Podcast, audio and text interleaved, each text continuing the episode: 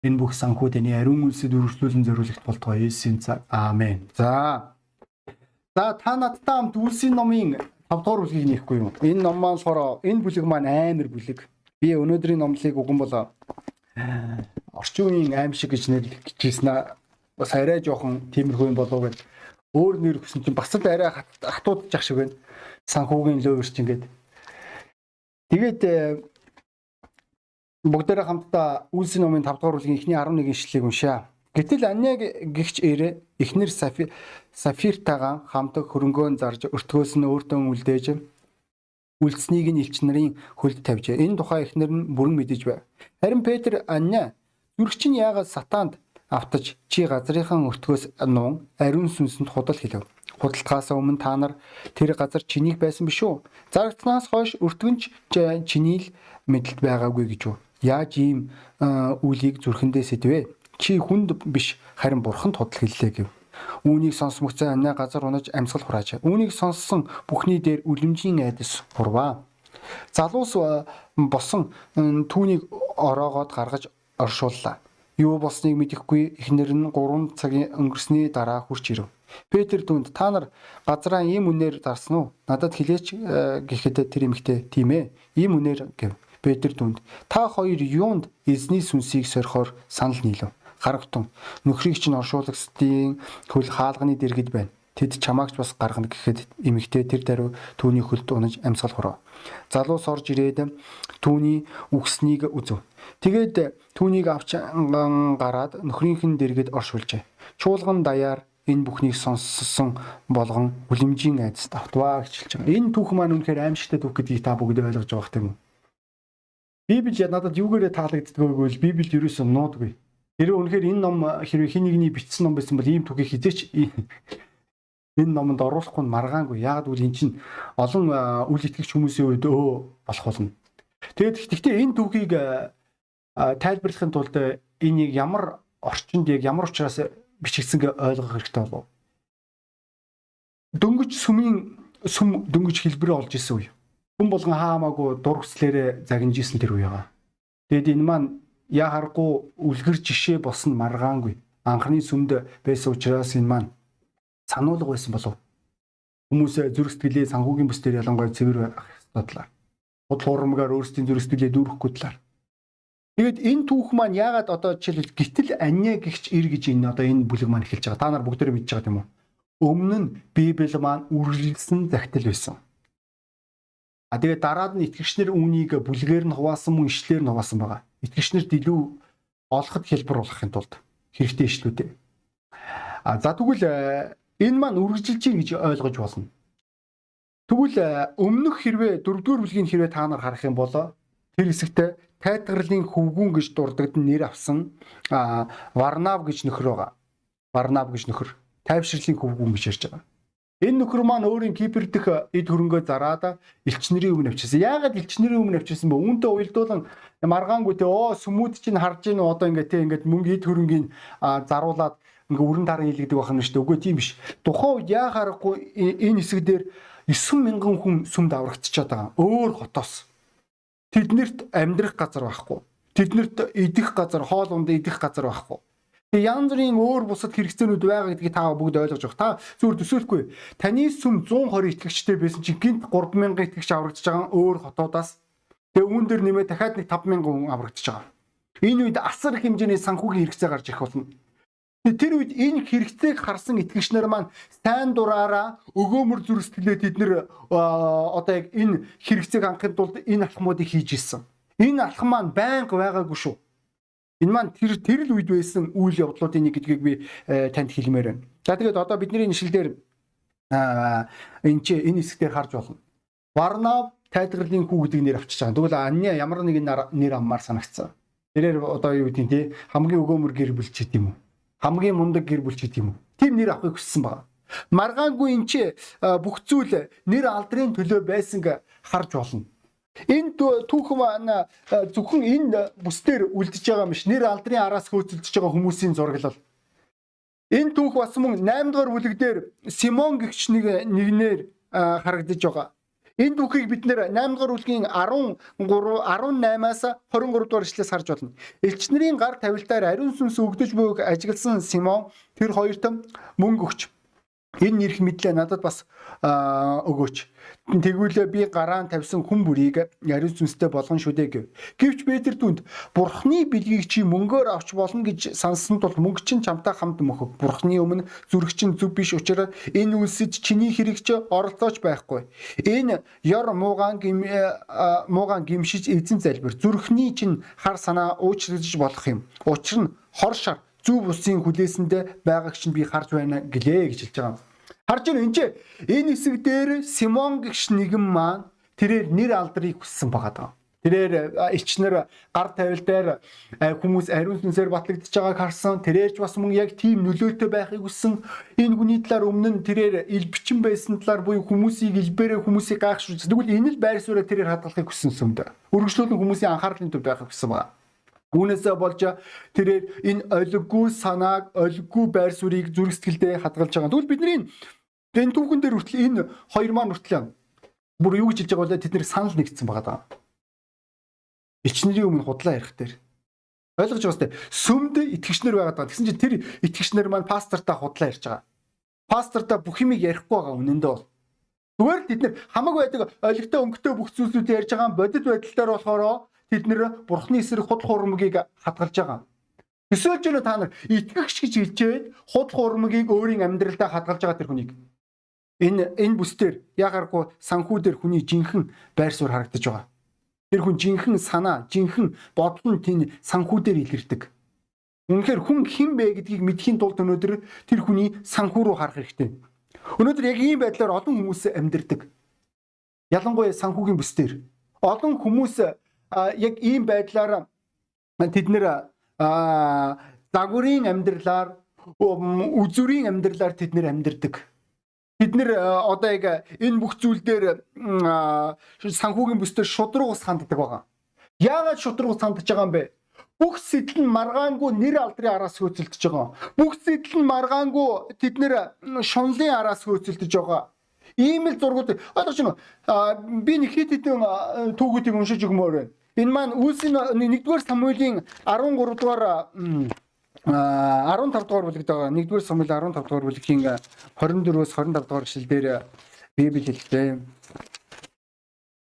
Аа 1-р Самуэль 15 дугаар бүлгийн 24 24-өөс 25 дугаар эшлэл дээр Саул Самуэль би ард олноос айж тэдний дуу хоолойг дагсан учраас эзний тушаал болон таны үгийг үнэхээр зөрчиж нүгэл үлдлээ. Тиймээс одоо миний нүглийг өөчилж надтай хамт уцгтун. Би эзэнт мөргийн хэмээн гүйлбэ гэж хэлж байгаа. Энд чинь харж байна. Энэ хэсгээр бид нар бидэнд юм уу?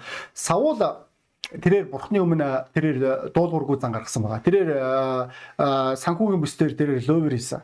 Тэрээр өөрөө өөртөө нэг тодорхой нэг тарган мал адуусаас авч үлдэхийг хичээсэн байгаа. Тэгэд үүнийгээ тэрээр тайлбарлахдаа би хүмүүсээс айсан гэж хэлж байгаа. Яг л энэ зураглыг бид нэр Египтээс гарсан ном 10-аас харж байна. Египтээс гарсан номын 32 дугаар бүлэг дээр 10 ард түмнээс айгаад Израилийн ард түмнийг нүгэл рүү унгаасан тэд нэр алтан дугал хийсэн гэдгийг та бүгд мэдэж байгаа. Энэ бүх зураглууд маань биднийг юунд хүргэж байгаа вэ гэж хүмүүс хүний бодлоос айгаад бурхны өмнө нүгэл хийхэд бэлэн байдаг байгаа. Тэд нэр санхүүгийн бүсдээр лөөвөр хийж эхэлдэг. Тэд нар 11 дээр лөөвөр хийдэг, тэд нэр амлалтан дээр лөөвөр хийдэг, тэд нэр өргөл дээр лөөвөр хийдэг. Яг яг яг л тэр тэр хүмүүс харахгүй байгаа юм чинь. Хинч мэдэхгүй шүү дээ чамаа хэдийг өгч байгаа юм. Бүр өгөхгүй байгааг ч хинч мэдэхгүй. Тэд нэр худал хуурмагаар амьдарч гэлдэг ба. Тэгвэл бидний шил дээр хэлэхдээ чи яах гэж ийм байдлаар өнөөдөр дайсандаа боломж олох вэ? Бүр Египтс гарсан номын 32 дугаар бүлгийн 25 дугаар шил дээр юу хэлж байгаа вэ гэвэл би та бүгд уншилдаг юм. Аа Нэг ийм үг байгаа 10 нисгтэр би дурцаа. Ард түмэн задгаа замбраагүй болсныг Моисе харав. Учир нь 10 тэднийг эсэргүүцэгчдийн дунд шившиг болохоор задгаа замбраагүй байдал төрөж иж харж байна. Эсэргүүцэгчдийнх нь өмнө шившиг болгохын тулд 10 энэ болгоныг ард түмэн зөвшөөрсөн гэж. Тэрээр 10 хүмүүс таалагдсан тул тэр Израилийн ард түмнийг маш эмзэг нөхцөл байдалд оруулж байгааг тэрээр ойлгоогүй. Тэгвэл бидний нэшил гэж хэлж байгаа бол чи яагаад сатан зөвшөөрөө гэж хэлж байгаа. Тэгвэл сатан гэдэг үгийг хэрэг орчиж үзэх юм бол энэ маань эсэргүүцэгч гэсэн утгатай үг. чи өөрийн санхүүгийн шудраг ус хандлагаараа чи санхүүгийн чи худ хурамгаараа чи үнэндээ ихэд чи өөрөө өөртөө тусуулаад байгаа юм биш. Чи дайсандаа боломж олгож байгаа. Чиний хувиа чилсэн үзэл, чиний эдийн шунал өнөөдөр бурхны өмнө ловер хийхэд хүрэж байгаа. Ийм байдлаар хүмүүс бурхнаас хулгай хийдэг талаар өгүүлж байгаа Библи Малах номон дээр. Тэгвэл өнөөдөр итгэгч найз минь чи өнөөдөр санхүүгийн хүмүүс дээр ямар шийдвэр гаргадаг вэ? Харж байна энэ чи Анна энэ Сафира энэ хоёр маань тэд нэр бурхны өмнө ловер хийсэн. Тэд нэр ариун сүнсний эсрэг тэрээр нүгэл хийсэн байгаа тэд нар. Тэгэд сүмд хинч мэдхгүй гэж бодсон. Үнэхээр хинч мэдхгүй байсан. Хэрвээ бурхны сүнс Петертэй нээж өгөөгүй бол Тэд нар бүгдөө л хүн болгон магтчихсан ба 3 цагийн дараа эхнэр нь хурж ирж байгаа. Тэгээд э, тэрээр оо ямар лаг юм бэ танаа гэр бүл оо өстө ямар мундаг юм бэ гэдэг үгийг сонсохыг хүсэж исэн болов. Эсрэгээр иргсэн. Тэгвэл өнөөдөр өнөөдөр яг ийм байдлаар өнөөдөр хүмүүс өнөөдөр тэд нар хувиачилсан сэтлэр тэд нар нэр алдрын араас хөөцөлдөх хүслээр мөн хүмүүс таалагдах байр суурьаар бид нар худ хурамгийг өөрсдийн амьдралдаа зөвшөөрч бид нар диаволыг өөрийн амьдралдаа, сатаныг өөрийн амьдралдаа ажиллахыг зөвшөөрөх аюул үйлчлэх юм. Тэгээ энэ маань юунд хүргэдэг вэ? Нэгдүгээрт ойлгож ин найз минь бидний нишил дээр хэрвээ харах юм бол чи бурхны эсрэг зогсож байгаа одоо энэ мөчөөс эхлээд. Чи бурхныг эсэргүүцэж байгаа. Гүр Библи юу хэлж байгаа бол чи бурхны өмнө худал хурамгийг зөвшөөрсөн гэж хэлж байгаа. Чи бурхны өмнө худлаа ирсэн. Ойлгож чи хүний өмнө худлаа яриаггүй. Чи магадгүй үнэхээр чи сүмд хинч мэдхгүй гэж бодож байгаа. Гэтэ үндэл чи бурхны өмнө худлаа ярьж байгаа. Тэгээд дайсанд чиний эсрэг ажиллах тэр боломжийг олгож байгаа. Чи бурхны хамгаалтыг өөрийн амьдралаас авж ийн гэж хэлж болно. Өнөөдөр яг ийм л байдлаар өнөөдөр ойлгож байна. Шунал хүмүүсийг ийм олиггүй байр суурь давиачдаг. Өнөөдөр нэр алдрын хүсэл маань хав духын хүсэл маань өнөөдөр итгэгч нарыг ийм зохисгүй байр суурьнд аваачдаг байгаа. Тэд нэр өөрсдөө ойлгож байна уу? Энэ гэр бүл маань бид нар бурхныг өөрийн амьдралаас авч байгаа. Тэдний хувьд одоо бурхан чухал биш. Тэдний хувьд одоо тэднэр чухал. Бид нар өөрсдөө л бодож ирсэн. Тэдний үед тэд нар бурхныг бодог. Тэд нар үр хөвгтэйч бодоогүй. Та нар төсөөлж ийн хараа. Манай аав ээж цуглаан руу явсан тэгээд тэр тэр газар өгцөн. Энэ үнэхээр аимшигтай мэдээ шүү. Энэ маань маш олон хүүхдүүдийн зүрх сэтгэлийг гашууруулах нь маргаангүй. Хүн болгон бурхан руу бурууг жигэх болно. Яг яг яг бол бурхан алсан гэж хэлэх болно. Тэгээ бүр энэ дээр нэмээд өнөөдөр хэн нэгэн үржингүүтээ танаа аав ээж чинь бурхан алсан гэдэг юм бол тэр хүүхэд тэр бодлоор насан туршдаа амьдрах болно. Бурханы хүзээ одоо амьдрах болно. Тэд нэр ерөөсөө эргэн тойронд хэнийгч бодоагүй байгаа. Бид нар зөвхөн өөрөө өөрсдөө л бодож ойлгож байна. Өнөөдөр таны хувиачилсан үзэл таны таны эдийн шунал Таны нэр алдрын араас хөөцөлдөх тэр хүсэл тань өнөөдөр аимшигтай үр дагаварлаа байцдаг. Бид нар өөрсдийн амьдралаас бурхны хамгаалтыг авч байгаа. Тэгээд гэр бүлийн хувьд тэд нар бурханд хувь тавилангаа алдсан гэдгийг та бүгд ойлгож байгаа. Ойлгож байна тест. Гэр бүл нүгэлд үйлчлэх хэсгүй. Энэ гэр бүл нүгэлд санал нэгдэж байгаа. Энэ гэр бүл худ хурамгийг санал нэгдэгээр зөвшөөрж байгаа. Бид нэр пастрийнхаа өмнө инээмсэглээд ороод ирж байгаа. Юу ч болоогүй юм шиг, ямар ч асуудал байхгүй юм шиг. Тэгээд ойлгож байгаа хэвээр энэ чи гэр бүлийн үнэлэмж алдагдчихж байгаа. Гэр бүлийн зарчим алдагдчихж байгаа. Гэр бүлийн үнцийг алдагдчихж байгаа. Ойлгож байгаа хэвээр гэр бүлд одоо худал хуурмаг нь ойрох чинь. Та нар ойлгож ийн юу ярьж байгааг? Одоо танаа гэр бүлд худал хуурмаг ноёрох чинь. Анх яаж эхэллээ? 11 өргөл амлалтаар. Тэр баггийн хэмжээний ловеруудыг зөвшөөрж байгаа. Баггийн хэмжээний худал хурамгуудыг зөвшөөрж байгаа. Энэ маань эцсийн эцэст гэр бүлийг сүрүүлдэг. Хүмүүс хэлдэг тийм аа жоохон худлаа ярих асуудал биш дээ. Хүндрэл биш дээ. Тэгвэл үүний ард бид нэр хэмжээний салж байгаа гэр бүлүүдийг харж болно. Араар тавьж байгаа гэр бүлүүдийг. Тэр маань аюул биш юм шиг санагдаж байгаа боловч эцсийн дүн тэдний амьдралыг сүрүүлж идэг. Лавта эхнэр нөхөр хоёр худал хуурмагтыг нэгдэж болохгүй. Тэд нэр бурхны эсрэг зогсох хэрэг болов. Ингэснээр тэр гэр бүл маань өөрсдийн хувь тавилангаа алдах болно. Өнөөдөр итгэгч найз минь танаа гэр бүлийн талаар юу ярих вэ? Танаа гэр бүлийн цэвэр үү? Өнөөдөр ихнэр чинь нөхөр чи яг юу бодож байгаа вэ? Энэ мад энэ чухал болов. Танай гэр бүл яг юу ноёрхож байгаа вэ? Магадгүй нөхрүүдээ та нар өнөөдөр эхнэрийнхээ өмнө худал хурамгийг ярьж байгаа.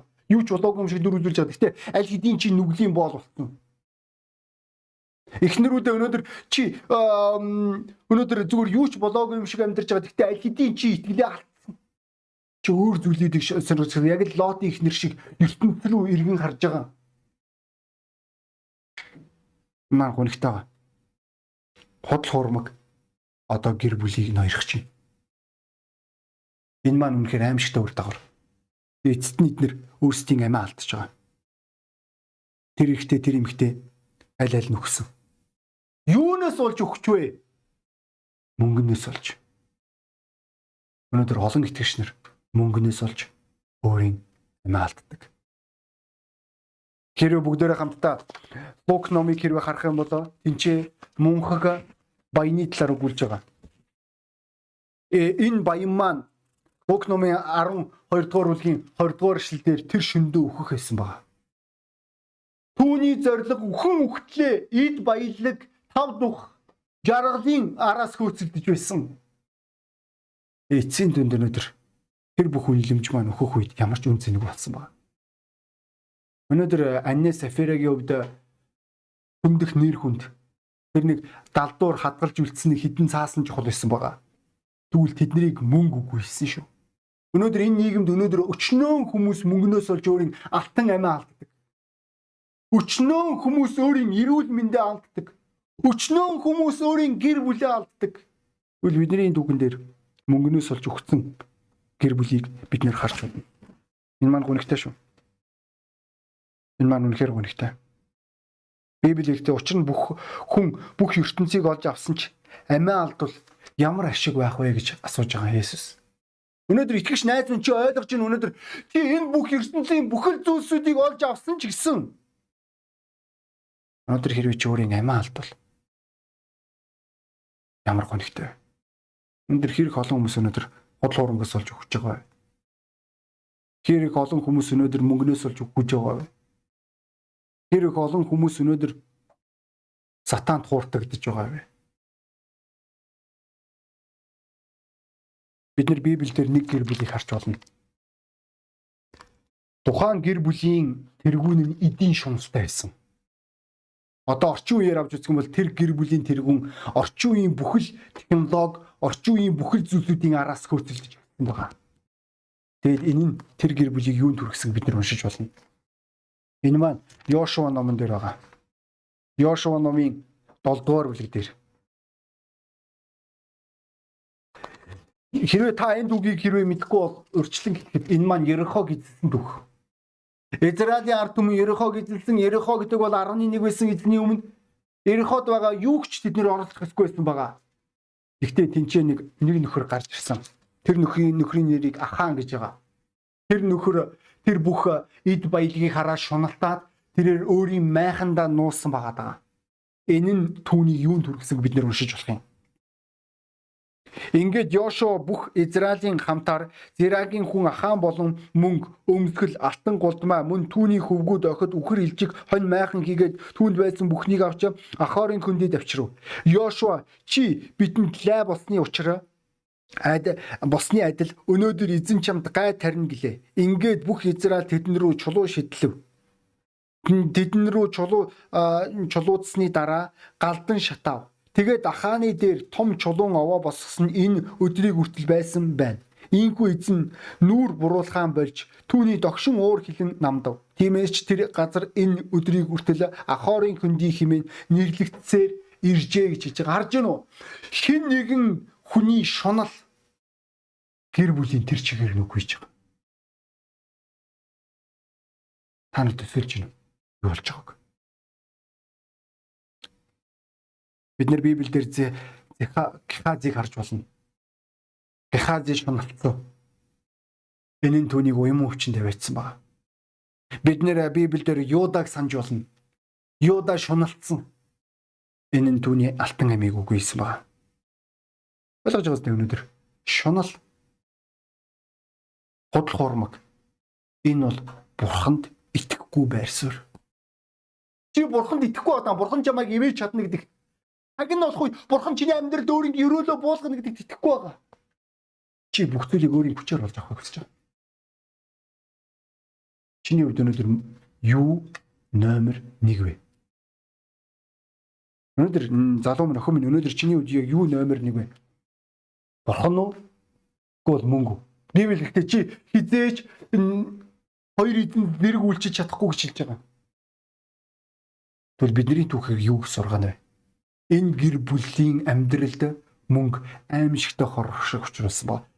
Ойлгож байна. Гол асуулт нь одоо юунд оршиж байгаа вэ гэвэл эцэст нь хэлгээд Бурхан тэднийг хивээж болох байсан шүү дээ.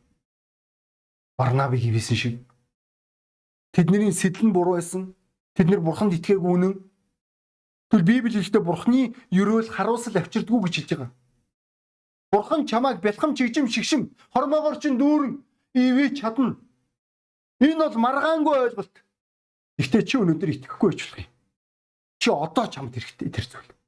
Одоо чи тэр үнийг олохын тулд чи лизинг тавихад бэлэн. Зээл тавихад бэлэн. Чи тэр ид хогшлын араас хөөцөлдөж өхөн хат чи хүний авралын араас тэгж хөөцөлдөг байж болох юм. Өндөр ойлгож байна. Бурхан чамайг ядуу байгаасаа гэж үзэхгүй байгаа.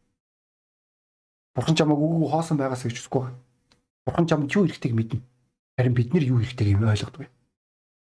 Биднэрд дандаа бүх юм хэрэгтэй санагддаг. Бидний ишлэл дээр хэлж байгаа.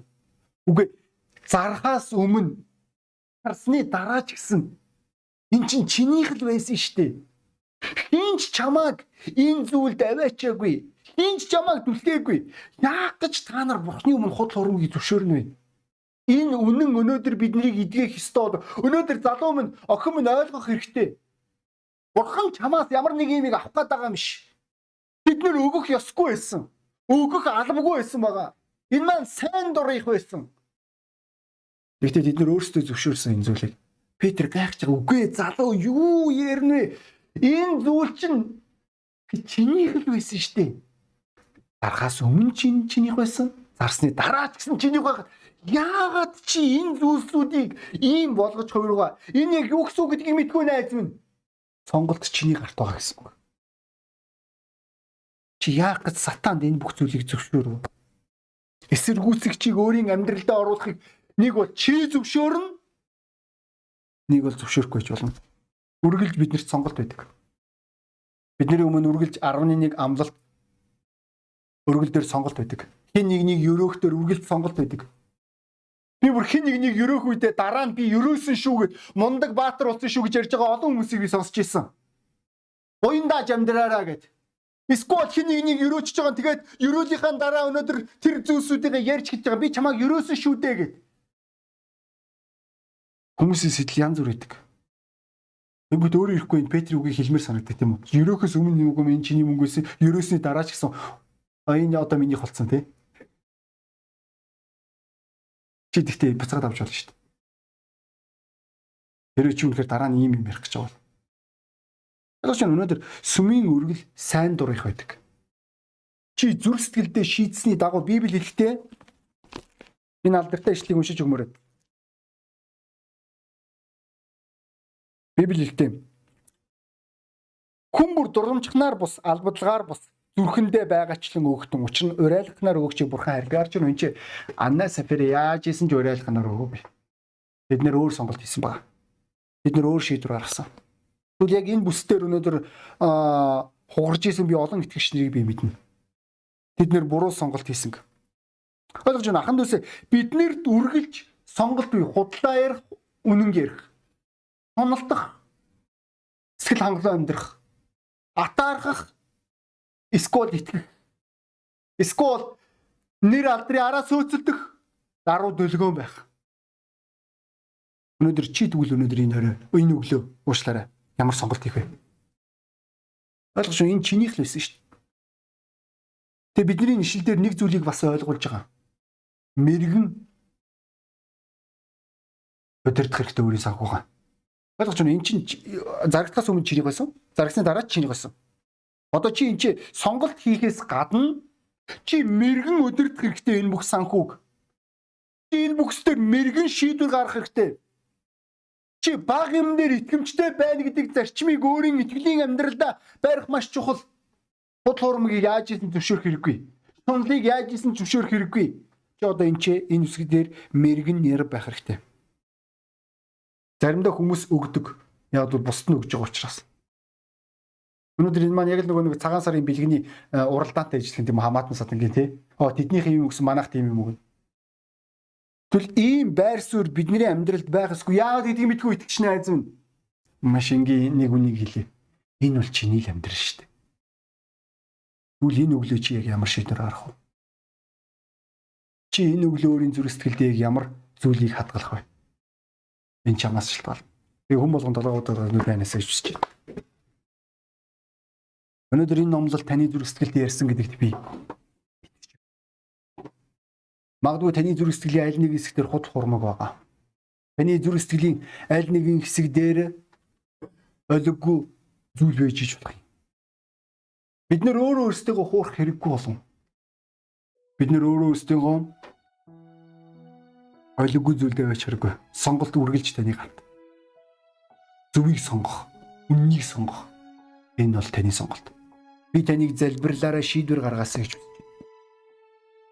Тэгэд энэ номлыг таанхудаа сонсч иж болох. Энэ үнэхээр аимшигтай түүхээ үнэ. Гэхдээ энэ түүх маань өнөөдөр Библи ямар үнэн ном гэдгийг харуулж байна. Ямар цэвэр ном гэдгийг. Өнөөдөр хэрвээ та бурханд итгэхийг хүсэж байгаа бол бурхан таныг тал итгэлийг танаас хүсэхгүй. Эсвэл хобби итгэлийг ч хүсэхгүй. Бурхан танаас бүрэн итгэлийг хүсэх болно. Та өнөөдөр түүний өмнө нэг л зүйлийг авчрах хэрэгтэй. Өөрийн зүрх сэтгэлээ. Бурхан таны нүглийг уучлахыг хүсэж байгаа. Хэрвээ та чин сэтгэлээсээ түүн лүү хандах юм бол Бурхан таны нүглийг уучлах болно. Учир нь үүний төлөө Иесус Христос агламаа дээр суулгацсан учраас энгийн гимшлийн залбирлаар би таныг залбираасаа гэж үзэж байна. Бурханы өмнө та шодрог байхгүй. Бурхан таныг уучлах болно. Бурхан таныг ивэх болно. Бурхан танд туслах болно. Итгэлийн амьдрал гэдэг бол шудраг амьдрал. Хизээч өнөөдөр Баал Бурхан хоёр хамтдаа байх боломжгүй. Мамон Бурхан хоёр хамтдаа байх боломжгүй. Энэ маань таны зүг зүгээс шулуун зүрх сэтгэлийг шаардах болно. Тэгвэл би таныг энэ өглөө шийдвэр гаргасаа гэж хүсэж байна. Найз нүглийн боол байх хэрэггүй нүгэл таны амьдралыг эрт өрөөгөө сүрүүлэх болно. Магадгүй сүрүүлж байгаа одоо. Үл бурхан тань туслахыг хүсэж байна. Энгийн гимшлийн залбирлаар бурхан тавилах хэрэгтэй энэ өглөө. Үний төлөө Иесус Христ үгсэн. Би таныг шийдвэр авах хэрэгтэй. Тэ би дуудлага өөрчлөе. Итгэгч найз минь. Хахан дүүсээ бид нэр санхүүгийн бүсдээр шудраг байх хэрэгтэй. Бид нэр гэр бүлдээ худал хуурмыг оруулах хэрэггүй. Хинэгэн энэ өглөө гимших хэрэгтэй байгаа. Хинэгэн энэ өглөө шийдвэр гаргах хэрэгтэй. Хинэгэн өнөөдөр энэ өглөө Бурхны өмнө илэн далангуй байх хэрэгтэй болов. Би таныг энэ зүйлд өөрийн залбирлаа зориулж байгаа гэдэгт найдаж байна. Энэ өглөө Бурхан тантай ярьж байгаа. Бусдыг харах хэрэггүй. Бусдыг бодох хэрэггүй. Энэ утгагүй зүйл. Би таны шийдвэр гаргасан гэдэгт найдаж. Тэгээ бүгдөө толгоогоо өргөцгөө юм. Тэгээд бүгдөө хамтдаа цуглааны төгсөлд залбирцгаая. Тэнгэрлэгээс өнөөдрийн номлыг Ивэсэн тань талархч ийсэн таны ивэл таны хар үргэлж бидэрт хамт холтгоо. Есүс Христийн цаар. Аамен. За удахгүй ахын төсөө зөөмөр уулзцгаая.